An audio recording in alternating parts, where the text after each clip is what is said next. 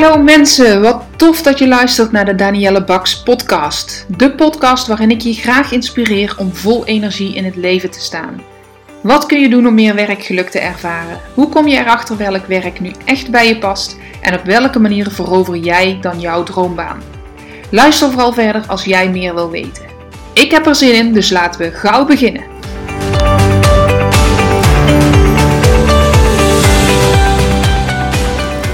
Hey, mensen.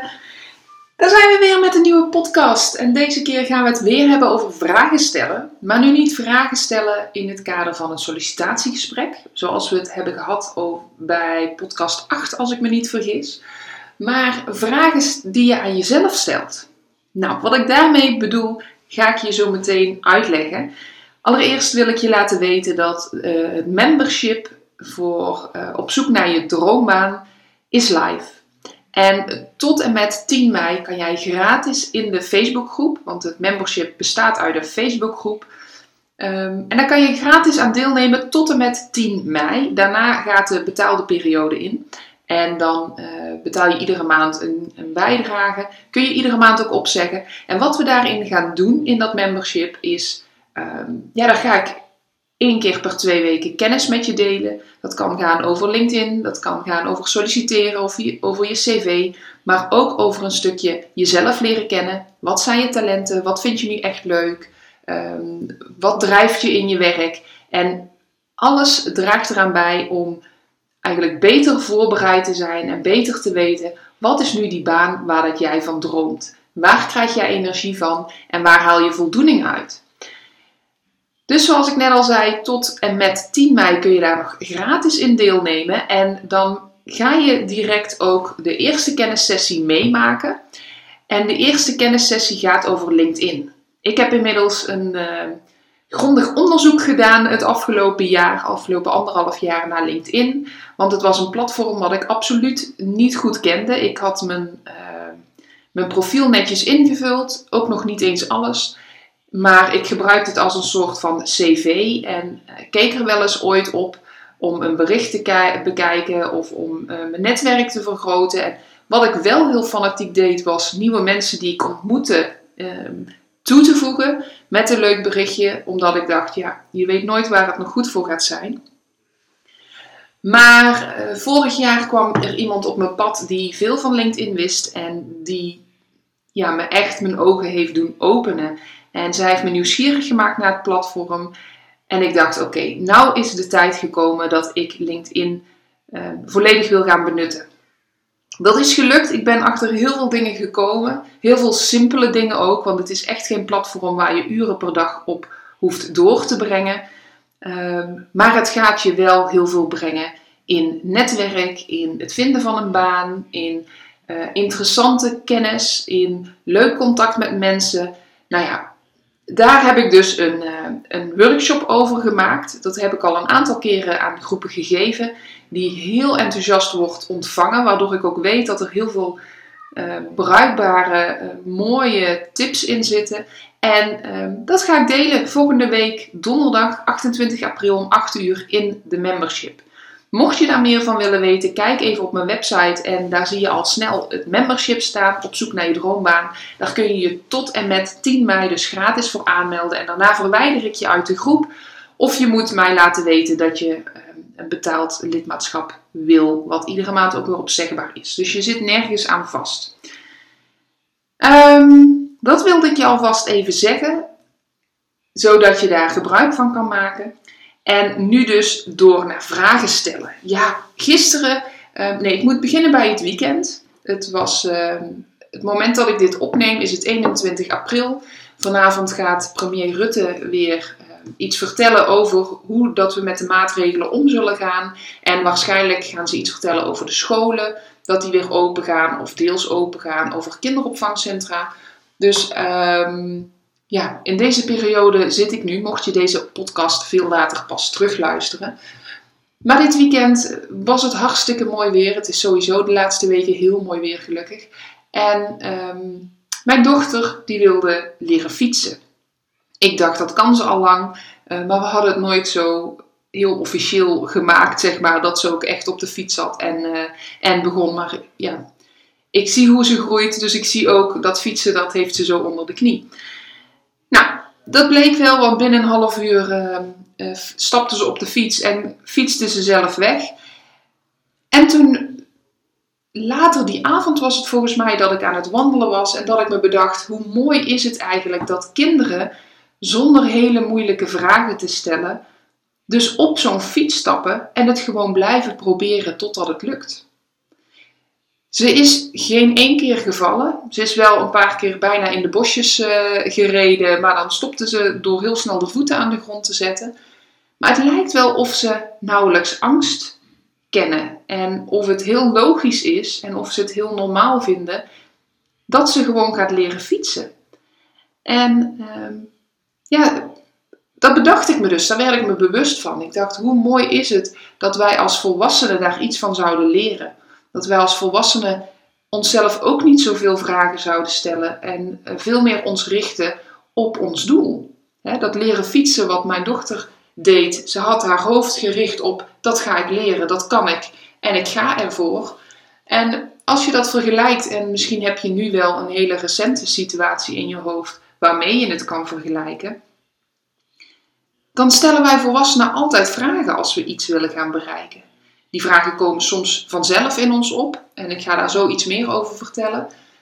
Maar we stellen ons heel veel vragen en daar schreef ik een post over. Een post die ik ook deelde op LinkedIn. Uh, iets aangepast dan op Facebook. Ik, ik zette er een andere foto bij en niet de foto van mijn dochter die aan het fietsen was. Maar ik zette dat op, uh, op Instagram en op Facebook en op LinkedIn.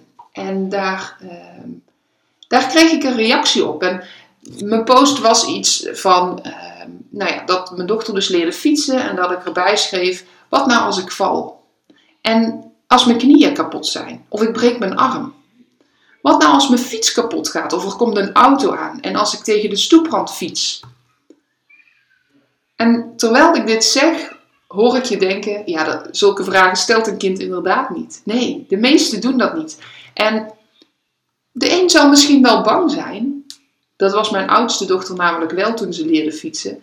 En de ander ziet geen gevaar en gaat door. Maar hoe dan ook, er is nog geen één kind wat heeft gezegd terwijl ze leren lopen en op zijn billen vallen: Oh nee, dat, dat, dat ga ik toch maar niet meer doen. Nee, ze staan op en ze gaan door. En dat is met fietsen hetzelfde. Blijf proberen en het, het kind heeft vertrouwen dat het gaat lukken. En dat is een hele grote kracht. Een kracht die wij als volwassenen vaak vergeten zijn, verleerd zijn, ehm, omdat we natuurlijk een andere manier van denken hebben. En dat brengt ons heel veel, maar het houdt ons ook weg bij heel veel. Het maakt het moeilijker om ons doel te bereiken. Want die kracht die een kind heeft om nog niet de gevaren te zien of om nog niet stil te staan bij alles wat er kan gebeuren, oorzaak-gevolg, de gevolgen nog niet in kan zien, dat is wel de kracht. Zij groeien daardoor. Ze moeten zoveel leren. Als ze bij alles wat ze zouden moeten leren deze vragen zouden stellen, zouden ze niet zo ver komen. Even terug naar jou, want je hebt vast en zeker ook een doel. En dat doel kan zijn om uh, je werkgeluk te vergroten. En dat doel dat komt voort uit een gevoel wat je hebt. Maar je wil bijvoorbeeld fijner werk vinden. En het kan best zijn dat je dat al een tijdje wil, maar dat je niet in actie komt door de vragen die jij jezelf stelt. Klanten van mij die vertellen me wel eens als ze ehm, een kennismakingsgesprek aanvragen, wat, wat vrijblijvend is, dan ehm, is dat vrijblijvend vanuit twee kanten. Vanuit de klant om mij te leren kennen, maar ook zeker vanuit mij om te kijken wat voor iemand heb ik aan de telefoon. Wat voor vragen stelt hij of zij? Hoe zit hij erin? En hoe zit het met die groeimindset? Want als jij vragen aan mij stelt, en ik, heb het, ik maak het regelmatig mee, gelukkig niet heel vaak, ehm, maar ik maak het mee dat laatst was er een dame en die belde mij en ze zei: Hoe weet ik nou dat ik de juiste keuze maak door bij jou een traject te gaan doen? Want ik wil weten wat bij mij past en waar ik goed in ben. Maar ja, hoe weet ik nou dat jij mij kan helpen om dat duidelijk te krijgen? En hoe weet ik nou dat zeker dat op het einde van het traject dat ik ook die baan heb waar ik heel blij van word? Hoe weet ik nou dat ik hierin moet investeren en niet in een andere training? En wat ga jij doen om mij daarin te helpen? In eerste, als je het zo voor het hoort, zul je misschien denken: oh ja, logisch, logische vragen. En die vragen zijn ook oké. Die komen namelijk vanuit jouzelf. En natuurlijk mag je je dat afvragen. En wat ik doe tijdens zo'n kennismakingsgesprek is kijken: kan ik die persoon meenemen om in een groeimindset te komen?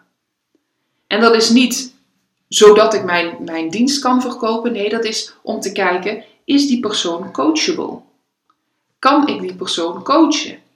Want dat zit hem in die groeimindset. Als jij geen groeimindset hebt, maar een fixed mindset, zoals ze dat zo mooi noemen, dan moet ik heel hard, dan zou ik heel hard moeten werken om bij jou iets, iets te veranderen. En dat gaat me dan nog niet lukken. Het moet echt vanuit jouzelf komen. Dus voor mij is het heel belangrijk dat ik merk, iemand die tegenover me zit, die gaat ervoor. Die wil uh, gespiegeld worden, die wil inzichten krijgen in zichzelf, die staat open voor feedback. Nou, geweldig. Dus het verschil tussen een groeimindset en een fixed mindset. Maar die vragen stellen. Net zei ik het al, die vragen die komen in je op. En daar zit een, een gevoel aan vast. En heel vaak zit dat gevoel hem in. Uh, uh, ja, in, in een stukje uh, angst. Het willen controleren van de situatie. De angst om niet die controle te hebben. De angst om niet te weten wat gaat er nu gebeuren. Ben jij iemand die een doel heeft voor ogen? Of dat nou heel concreet is of nog minder, maar je merkt waar ik nu zit, ik ben eigenlijk niet zo tevreden over mijn werk. Dan zou je eigenlijk als doel kunnen hebben om dat te verbeteren. Maar wanneer daar heel veel angst in bij komt kijken, omdat je niet weet wat je dan kan verwachten, dan ben je geneigd om in, het, in de status quo te blijven. Dus om niets te veranderen, want je weet dan wat je hebt. Ook al is het niet wat dat je leuk vindt, je weet wel wat je hebt. Je weet waar je werk is. Je weet wat je inkomen is. Je weet wat er van je verwacht wordt. Je weet eh, wie je leidinggevende is. Je weet wie je collega's zijn. Je weet wat je taken zijn. Je weet, dat weet je allemaal. Dus je bent in het bekende. Op het moment dat jij denkt: oké, ik ben nu niet helemaal gelukkig, maar ik wil dat veranderen, dan komen die vragen omdat jouw brein wil jou in dat bekende houden. En die vragen gaan dan heel vaak over, ja, oké, ehm, ander werk, maar wat moet ik dan gaan doen? En dat is een goede vraag, hè? Maar het verschil tussen een vraag die jou gaat helpen naar jouw doel, of een vraag die jou houdt bij ehm, de status quo, bij de situatie waarin je zit, daar zit de kracht. Daar zit het verschil. Als we teruggaan naar het, naar het kind wat leert fietsen. En het kind stelt wel vragen. En die vraagt aan mij: Goh, mama, wat nou als ik val en mijn knie gaat kapot? Nou, dan plakken we daar een pleister op. En dan kan die helen, dan kan die weer beter worden. Als je het niet probeert, dan zul je nooit leren fietsen. En zo'n kapotte knie, ja, die kans is er. Het kan best zijn dat je valt. Snap je? Je voelt, oké, het kind is op zoek naar een antwoord, maar het gaat wel leren fietsen. Natuurlijk kunnen jouw vragen van, grotere, uh, van groter formaat zijn, omdat er meer van afhangt en je meer verantwoordelijkheden hebt.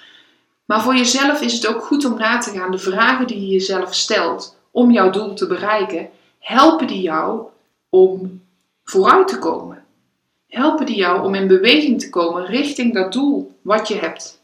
Dus richting dat werk. Maar het kan ook over andere dingen gaan. Hè? Mocht je deze podcast luisteren Ehm, het kan ook gaan over uh, afvallen, over gelukkiger worden, over uh, wel of niet verhuizen, over alle keuzes die je wil maken, een opleiding doen, uh, maakt niet uit. Alle keuzes die je wil maken, je stelt jezelf vragen. En het is goed om te bedenken, helpen die vragen mij richting mijn doel of houden die vragen mij bij de situatie waarin ik zit? Wanneer ze je namelijk naar je doel toe helpen, dan zijn het vragen om informatie te vinden. informatie die ervoor zorgt dat je de juiste keuze maakt. Dan ben je in beweging. Je bent op zoek naar informatie, dus je gaat vooruit. Die informatie zal je helpen om een afweging te maken. Je komt steeds een stapje dichterbij. Het plaatje wordt duidelijker.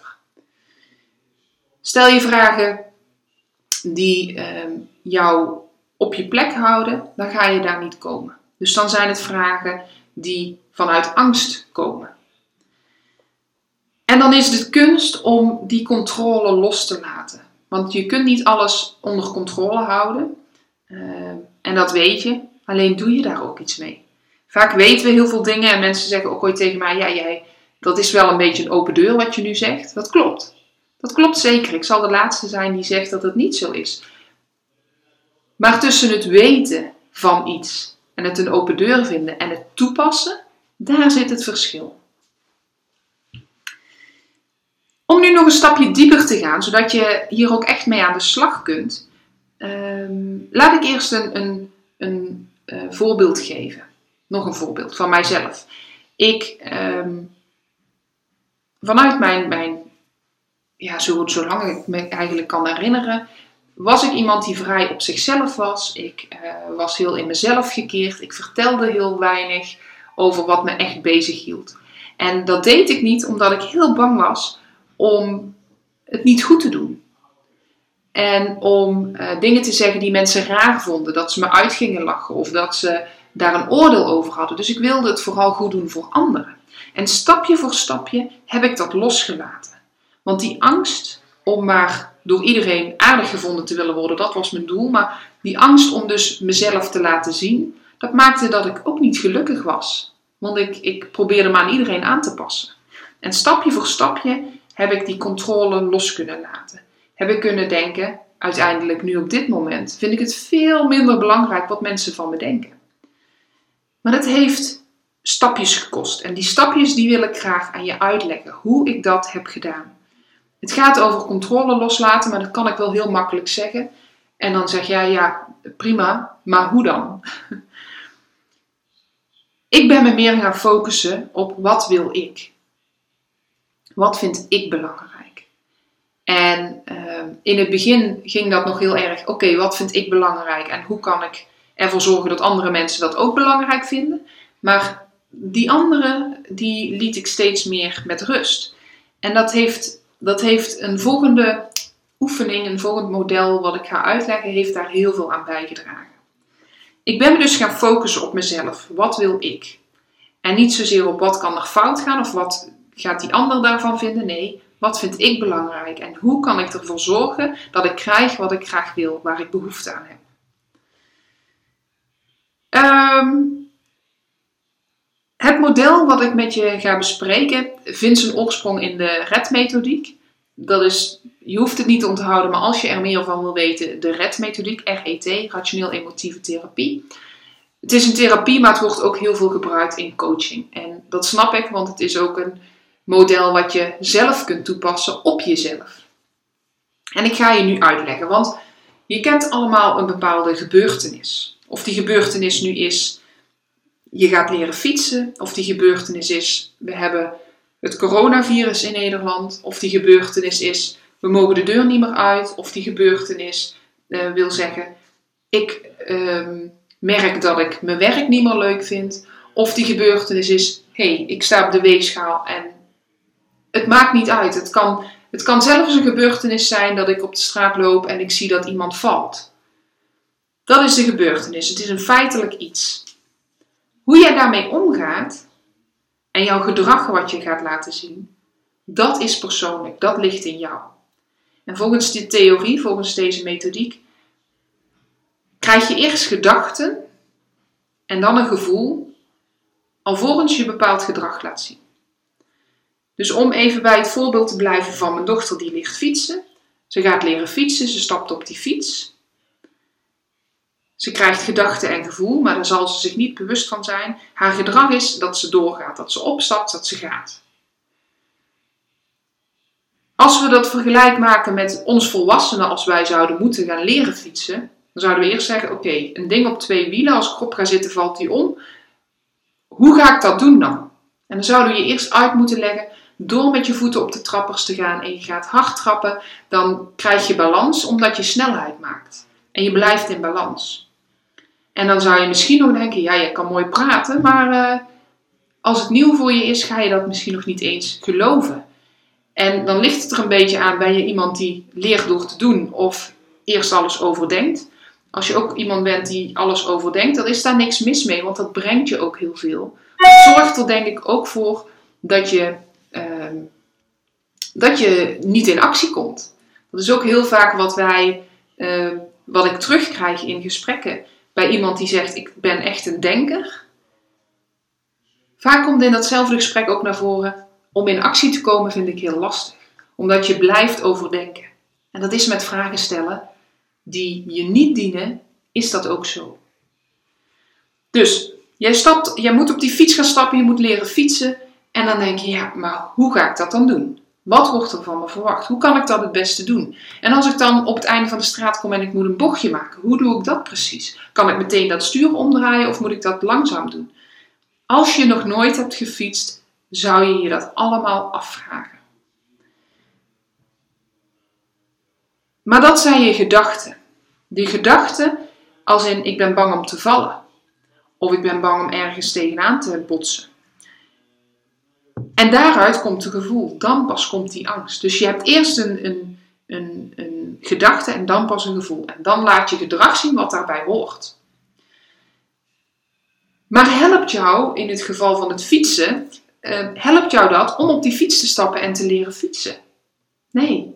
Dat kind stelt veel minder vragen of zelfs geen vragen en die leert fietsen voordat jij nog hebt besloten of je wel of niet op die fiets gaat stappen. En zo is het ook met andere doelen in je leven wat je wil bereiken. Als je blijft overdenken, als je veel vragen blijft stellen die jou niet helpen naar jouw doel toe, dan verlammen ze je. En dan merk je het verschil.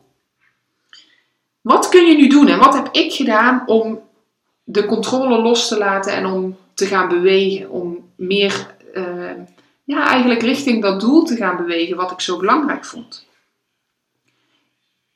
Ik ben gebeurtenissen gaan bewust gaan, gaan uh, terughalen eigenlijk. Want in het begin kon ik dat niet op dat moment. Moest ik dat van een gebeurtenis wat gebeurd was gaan doen. En ik heb gedacht, oké, wat, wat denk ik hier nu bij? En een ander voorbeeld om niet bij het fiets te blijven, maar bijvoorbeeld presenteren, vond ik super spannend. Als ik voor een klas moest gaan staan om een spreekbeurt te doen, dan het liefst zou ik muziek melden. Ik ging haperen, ik ging stotteren. Dat was het gedrag wat ik liet zien. De gebeurtenis was hetzelfde als alle 30 kinderen in mijn klas. Iedereen moest een spreekbeurt doen. En waar de een het vol enthousiasme kon vertellen en waar dat ik echt tegen opkeek, daar begon ik te stotteren, liep ik rood aan, had ik zweethanden en vergat ik mijn tekst. Dus de gebeurtenis is hetzelfde. We moesten allebei een spreekbeurt doen, maar ons gedrag was anders. En dat kwam door de gedachten die ik had en de, het gevoel wat erbij kwam kijken en de gedachten die die ander had en het gevoel wat daarbij kwam kijken. Ik was bang voor de afwijzing. Die ander vond het waarschijnlijk fantastisch om iets te kunnen vertellen over zijn passie. Ik was bang dat mensen me uit zouden lachen, dat ik fouten zou gaan maken. Die ander, die voelde zich misschien wel vol zelfvertrouwen. Wat heb ik nu gedaan? Want presentaties moet je blijven doen in je leven. Tenminste in, de, in het pad wat ik heb doorlopen. Uh, spreekbeurten, presentaties op school, uh, het presenteren van een eindproduct op school. Maar ook ehm, uh, in mijn werk. Presentaties horen erbij. Of, of het nou een oefening is wat je doet tijdens een, een coaching of tijdens. Ja, je staat regelmatig voor groepen. Maar inmiddels vind ik dat leuk. En inmiddels vind ik het alleen nog spannend als ik de, de inhoud niet meer helemaal goed ken. Maar voor de rest, laat mij maar voor mensen spreken, ik vind dat niet zo erg. En dat heb ik dus stapje voor stapje geleerd. Door te kijken wat is de gebeurtenis en welke gedachten heb ik hierbij?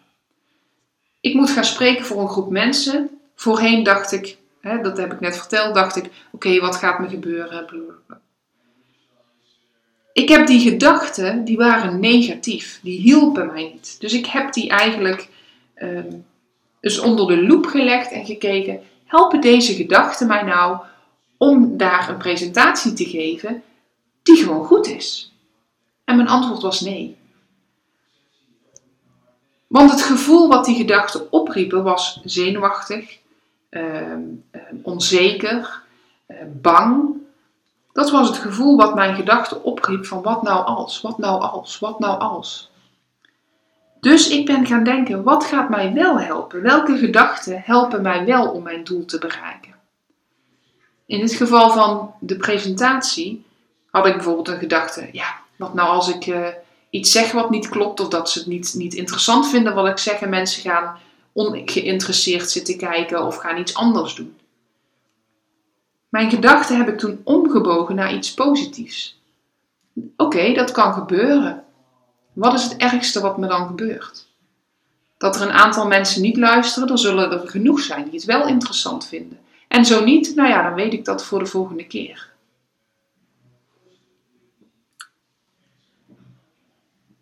Een voorbeeld met uh, als je gaat leren fietsen. Ja, je kunt vallen. Maar is het een gegeven dat je gaat vallen? Of is er een kans dat je gaat vallen? En hoe groot is die kans? En ga ik die kans nemen en blijf ik dan maar niet zitten? Of wil ik toch wel leren fietsen en ga ik die kans dus, uh, dat risico dus aan?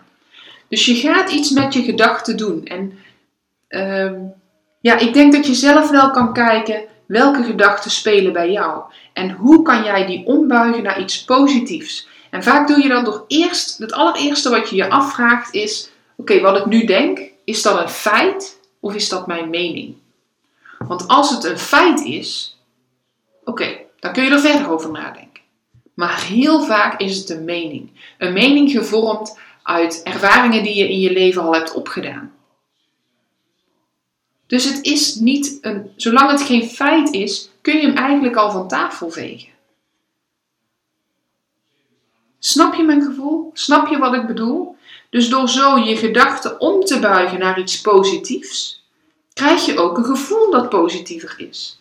Want als ik aan het presenteren, als ik aan dat presenteren denk en ik denk aan mensen die van een groep van 30, dat er misschien één of twee of drie afgeleid zouden zijn. Wie zegt dan dat dat is omdat uh, ze mijn presentatie niet interessant vinden?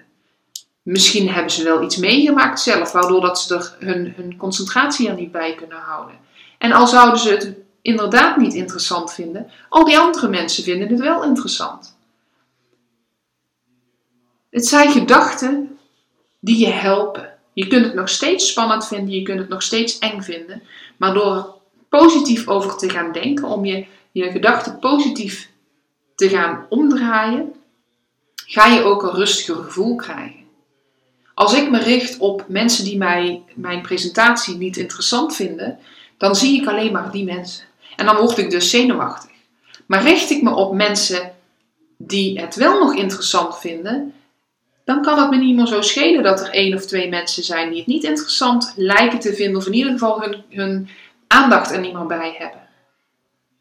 Want het is logisch dat ik niet voor iedereen interessant ben, net zoals met deze podcast. Er zullen genoeg mensen die dit zijn, die dit beginnen met luisteren en die het afzetten.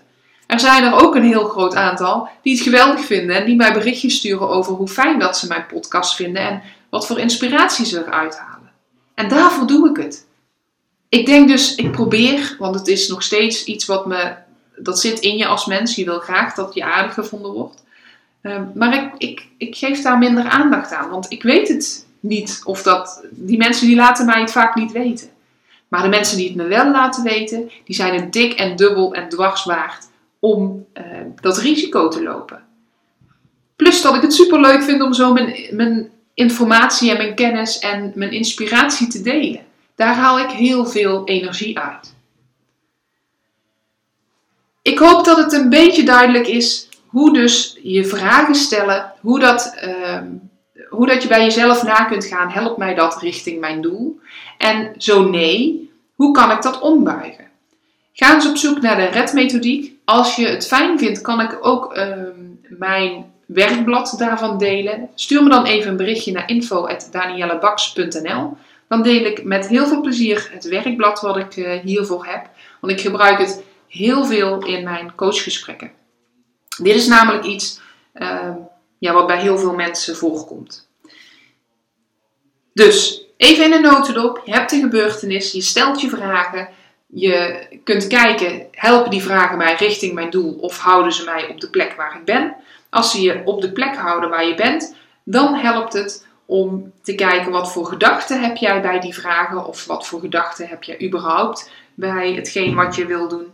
En ehm, om die om te buigen naar is het wel zo, zijn het feiten, wat is het ergste wat er kan gebeuren ehm, en die positief te herformuleren. Want het gevoel wat je daarbij krijgt is positiever. Met als gevolg dat je gedrag ook positiever is. Sinds ik dit doe, en dat, daar gaat echt wel een hele tijd overheen, dat leer je niet van vandaag op morgen en ook niet binnen een jaar om dat heel feilloos te doen, al heb je wel, merk je wel stappen vooruit. En inmiddels heb ik net verteld, het presenteren nu gaat een heel stuk beter. Ik kijk mensen aan, ik lach, ik maak een grapje. Ik ben echt mezelf als ik voor een groep sta. En dat heb ik geleerd door zulke kleine stapjes te zetten. En daar heb ik ook met iemand over gespart. Ehm, dat kunnen vriendinnen zijn, dat kunnen mensen zijn met een coachachtergrond. Dat, dat vraag mensen om te helpen of dat jouw gedachten, of dat die realistisch zijn. Soms zie je dat zelf niet en heb je blinde vlekken. Dus ga daarmee over in gesprek. Mocht je het fijn vinden om met mij daarover in gesprek te gaan, dan weet je me te vinden, want dat doe ik graag. En dat is ook mogelijk in losse gesprekken natuurlijk. Ehm, maar om je werkgeluk te vergroten, om daar nog even op terug te komen. Als je nu niet lekker op je werk zit, ga kijken wat er voor nodig is om dat te verbeteren. En ga ook onderzoeken, als je dat al langere tijd merkt, hoe het kan dat je nog niet stapjes hebt gemaakt. Als je weet dat je wel bezig bent en je maakt wel stapjes, hoef je je dat natuurlijk niet af te vragen. Maar ik weet dat er ook een aantal mensen zijn die dit zullen horen en die bij zichzelf zullen bedenken: ja, eigenlijk als ik heel eerlijk ben, ben ik al een hele tijd niet gelukkig op mijn werk. En ik zie het nu in deze tijd van corona ook, waar de een de tijd aangrijpt om in zichzelf te investeren en uh, te onderzoeken wat dan wel. Zegt de ander, nee, in deze tijd van corona, ja, weet je, er zijn toch geen vacatures, er zijn minder vacatures. Um, ze nemen nu toch niemand aan. Ik heb onzekerheid. En dat is allemaal oké. Die vragen mag je hebben. Maar nogmaals, zeg je ze vanuit angst? Of zeg je ze omdat, je, omdat ze je helpen richting je doel? En ik geloof dat er regelmatig vragen gesteld worden en, en gedachten zijn die jou niet helpen richting je doel. En dan nodig ik je echt uit om hiermee aan de slag te gaan, om die gedachten om te buigen en om te kijken: oké, er zijn nu weinig vacatures voor mij, maar wat is er wel? Ga netwerken op LinkedIn. Ga gesprekken voeren met mensen bij bedrijven waar je wellicht zou willen werken. En ga kijken wat, er, wat daar de dagelijkse gang van zaken is en of dat wel bij je past. Je hoeft niet nu letterlijk te solliciteren, maar ga, onder, ga op onderzoek uit. Ga op onderzoek uit bij jezelf. Waar zou je nu echt blij van worden? Wat geeft jou energie? Wat kost jouw energie in je werk? Ga aan die knoppen draaien. Er is voldoende te doen. Nou, mocht je daar hulp bij willen en is een traject voor jou echt nog een, een stap te ver, dat membership is er voor jou. Tot en met 10 mei kun je daar gratis in deelnemen. Kun je gratis ehm, kijken wat, voor, wat, wat het voor je doet, welke inspiratie je eruit krijgt. En ik ga je beloven, als eerste 28 april komt ehm, het webinar, de workshop, ga ik iets vertellen, de kennissessie over LinkedIn. Het gaat je veel brengen. En de investering die daarna is, is 48, of 47 euro. Als je een keer naar een workshop gaat, dan heb je het er al uit. En daarvoor krijg je iedere twee weken een kennissessie en iedere twee weken een vraag- en antwoord sessie.